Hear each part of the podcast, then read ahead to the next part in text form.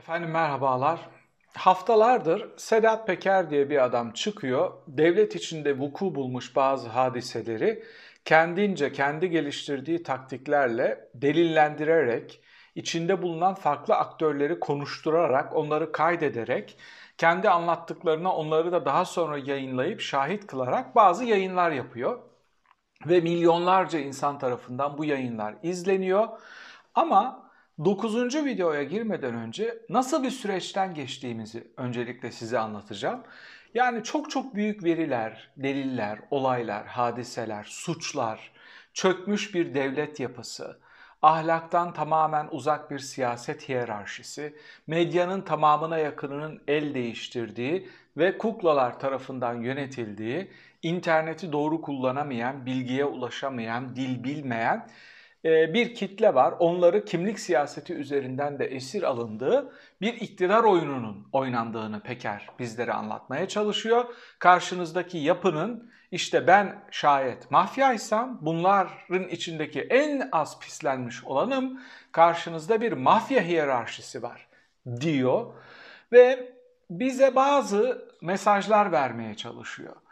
Peker'in kimliğinden dolayı bu mesajlar kısmen bir yerlere çarpıp yere düşse de oldukça etkili olduğu ve bazı yerlere ulaşmaya başladığı, halk üstünde etkili olmaya başladığı gözlemleniyor.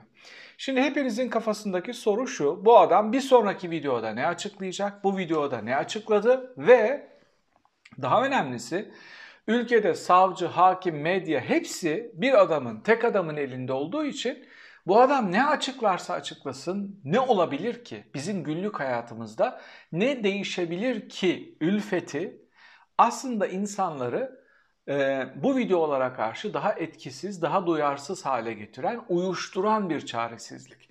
Neden?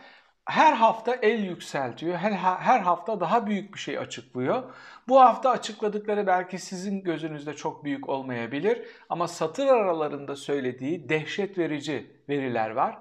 Ben gazeteci kimliği olan biri değilim. Belki gazetecilerin yorumladığı günceyi bir siyaset bilimci olarak sizlere yorumlamaya çalışıyorum. Onun için o açıkladığı paralar, oteller vesaireyle alakalı size bir yorum yapmayacağım. Ama bunun üstünde hem genelle alakalı hem de ülkenin dış politikasıyla alakalı yakaladığım çok önemli bir iki veri var. Onları paylaşmaya çalışacağım. Birincisi şu, en sonunda bunu paylaşacağım. Birincisi şu, ülkenin en büyük medya kuruluşu önce Peker gitmiş basmış orayı adamlarıyla, korkutmuş. Oranın satın alınması için baskı yapmış, el değiştirmesi için daha sonra orası el değiştirmiş ama başından beri bunu iddia ediyorduk zaten. Peker de ısrarla şunu söylüyor. Demirören orada sadece göstermelik bir sahip. Aldığı kredi milyarlarca dolar, yaklaşık 7 milyar dolarlık bir fiyata alındı orası.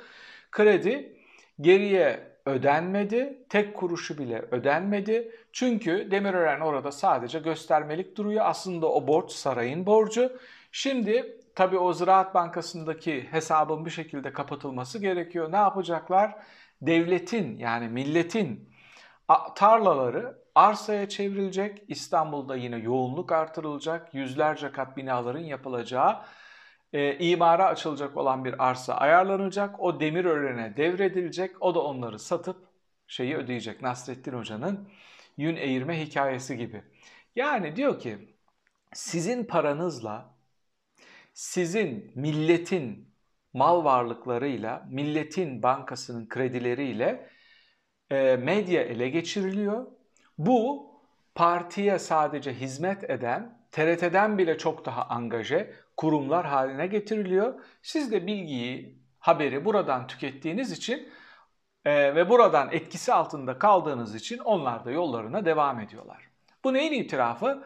Bu de, bu Peker için, Peker adına Demirören grubunun kredisinin nasıl ödendiğini, medyanın nasıl ele geçirildiğinin itirafı olabilir. Benim için bu parti devletinin itirafıdır. Karşınızda bir parti devleti var. Israrla size bunu söylememin sebebi bu.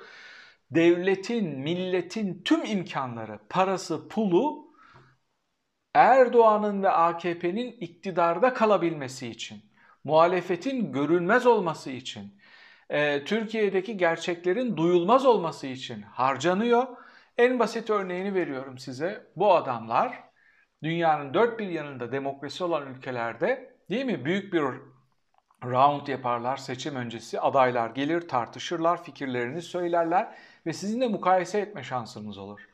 Muhalefetin medyası kalmadığı ve olmadığı için bu adamlar kesinlikle bu tür tartışma programlarına girmiyorlar. Çünkü böyle bir şey girdiğiniz zaman muhalefetin sesinin çıkmasına vesile olmuş, payanda olmuş olacaksınız demokrasiye. Bu Demirören grubunun korkutarak, Doğan grubunun korkutularak Demirören'e e, devredilmesi ama aslında bunun gerçek sahibinin saray olması, kredisinden tek kuruş ödenmemiş olması ve ödenecek organizasyonların deşifre edilmesi gazetecileri ildiren, ilgilendiren alandır. Beni ilgilendiren siyaset bilimci olarak alan şudur. Karşınızdaki yapı iktidarı bırakmamak için milletin, devletin, hazinenin son kuruşuna kadar kullanıp her şeyi yapıyor.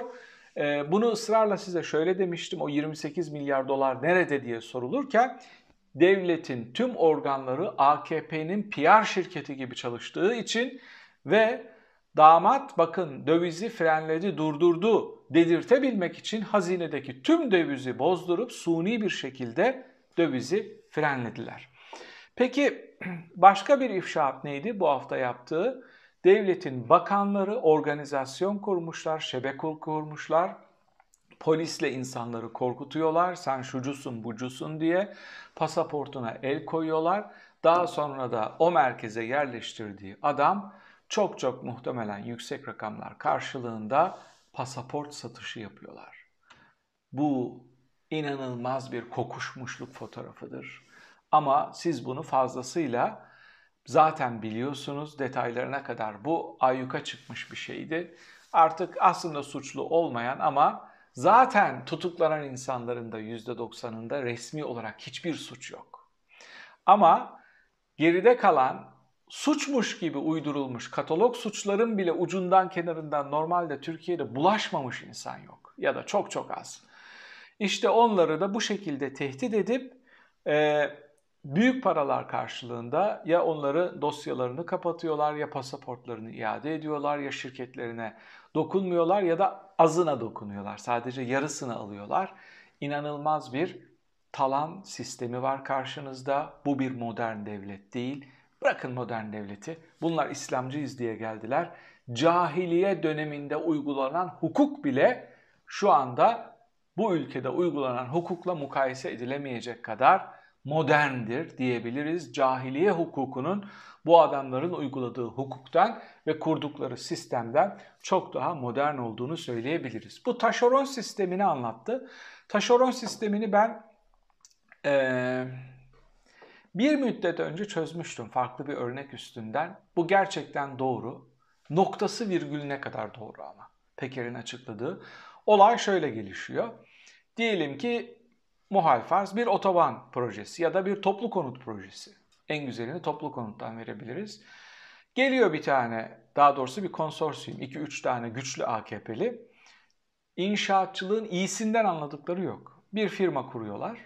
Bu ihaleyi alıyorlar. Ne kadar bu ihale? Muhal farz diyelim ki 100 milyon dolarlık bir ihale. Bunu alıyorlar. Bunu hiç dokunmadan kendi taşeronları var hiç dokunmadan 70 milyon dolara bir alta devrediyorlar. 30 milyon doları peşin alıyorlar onlardan. Yani siyasi güçlerini nakite çeviriyorlar. Ne oluyor? O 30 milyon, o da onlar da taşeron. Onlar da gerçek inşaatçılara devrediyorlar. Onlar daha az pay alıyorlar. Onlar da devrediyorlar. Gerçek inşaatçı ne yapıyor bu sefer? İflas etmemek için oradan buradan çalıyor, çok kötü iş çıkarıyor. Yani sizin sizin Normalde 5 liraya satın almanız gereken daire 15 liraya çıkıyor ve o aradaki 10 lirayı AKP'li nüfus sahibi, kara cahil ama o lüks ciplerle, yatlarla gezen, sizin de e, muhafazakarları kastediyorum, alınıyor bazı izleyicilerim, ellerinizi patlatarak, boğazlarınızı yırtarak alkışladığınız o adamlar işte size makarna, çay, kahve dağıtırken onlar da böyle büyük büyük pastaları bu taşeron sistemiyle götürüyorlar. Gelelim en önemli ifşaata. 9. Ee, videoyu yorumlayan arkadaşların yaptıkları yorumlara falan şöyle bir göz attım. Genelde hemen herkesin ıskaladığı çok büyük bir ifşaat var. Diyor ki gidin bakın sorun diyor Azerbaycanlılar. O beşli çete diyorsunuz ya diyor. Orayı da kasıp kavurdu. Neden? Bir önceki videoda şunu söylemişti. İşte gittiler, gittik oraya SİHA yolladık, İsrail'e niye yollamadık diye bir mukayese yapmıştı. Benzer bir şey Libya'da da yapılıyor ve o beşli çetenin önü Türk ordusu, Türk dış politikası kullanılarak açılıyor. Yani Türkiye'deki sınırlar dolduğu için, e, ihalelerin limitlerine geldikleri için ki hepiniz biliyorsunuz o beşli çete altı, aslında 6 kişiden oluşuyor. Sınırlara ulaştığı için ve ekonomiye para girmediği için ekonomiye para sokmaları da gerekiyor. Hem orduyu hem güvenlik politikalarını hem de dış politikaları bu beşli çetenin önünü açmak için onlara yurt dışından ihale bulmak için kullandığını aslında ifşa etmiş oldu Peker. O bu şeyiyle söylemedi sadece Azerbaycan'daki imajımızın ne kadar kötüye düştüğünü ve o beşli çetenin oradaki ihaleleri de kuruttuğunu söyledi. Aslında sizin bakmanız gereken seviye şu, Türkiye'deki dış politika ve güvenlik politikası bile bu beşli çetenin ki altıcı ortağını hepimiz biliyoruz. Altı kişiden oluşan bu beşli çetenin e, daha fazla kazanması için bir enstrümana dönüştüğünü e, ifşa ediyor, açıklıyor, itiraf ediyor. Metropol'ün yaptığı verilerden bahsetmiştim size. AKP'li seçmenin %50'sinin bu videoları izlemediğini ifade ediyorlar. İzleseler ne olacak? Yani benim işte kısmen görüşebildiğim insanlara şu soruyu soruyorum. Bunlardan mevzu açıldığı zaman AKP'li. Yani siz çıkıp reisiniz dese ki evet bunların hepsi doğrudur. Saraydan bir aktör çıksa dese ki doğrudur. Geri öyle gerekiyordu öyle yaptık. Vaz mı geçeceksiniz? Pes mi edeceksiniz? Geriye mi döneceksiniz? Ahlaki bir duruş mu sergileyeceksiniz? Onun için böyle hardcore AKP'lilerin işte bunlar doğru değil bilmem ne falan şeylerine bu soruyla cevap verin. Hatta şöyle bir soru sorun. Benim klasik bir sorum vardı. Şöyle diyordum. Bu adamlar ne yaparsa AKP'den vazgeçersiniz. Bırakın Sedat Peker'in ifşaatlarını, bırakın ortaya düşen, ayyuka çıkan suçları, günahları, e, skandalları. Siz bana söyleyin. Deyin ki kardeşim bu adam mesela şunu yaparsa ben bundan vazgeçerim. Böyle bir şey yok. Böyle bir ahlaki duruş olmadığı için Peker videoları üstünden Türkiye'de iktidar değişir mi sorusunu sormayı bir tarafa bırakın. Türkiye'de iktidar zaten değişti. Teoride bu iş bitmiştir. Buradan ne ekonomik koşullarla ne siyasi koşullarla ne ahlaki söylemle ne de herhangi bir projeyle bu kitlenin geri döndürülebilmesi ve kitlelerin tekrar böyle bir iktidar arkasında durdurulabilmesi Türkiye şartlarında bile artık imkansızdır. Niye Türkiye şartlarında bile? Tüm medyanın ele geçirildiği, medyanın siyasilerle aynı otellerde yatıp aynı ihalelerin peşinden koşup aynı insanları tehdit ettikleri bir süreçten Türk muhafazakarının bir kısmı bile bıktı. Bıktılar. Utanç verici bu tablodan nihayet bıkmaya başladılar. Ekonomik krizden dolayı bazı şeyleri açlıkla birlikte görmeye başladılar. Sorulması gereken soru o değildir. Şimdi hepinize de soruyorum. Sorulması gereken soru şudur.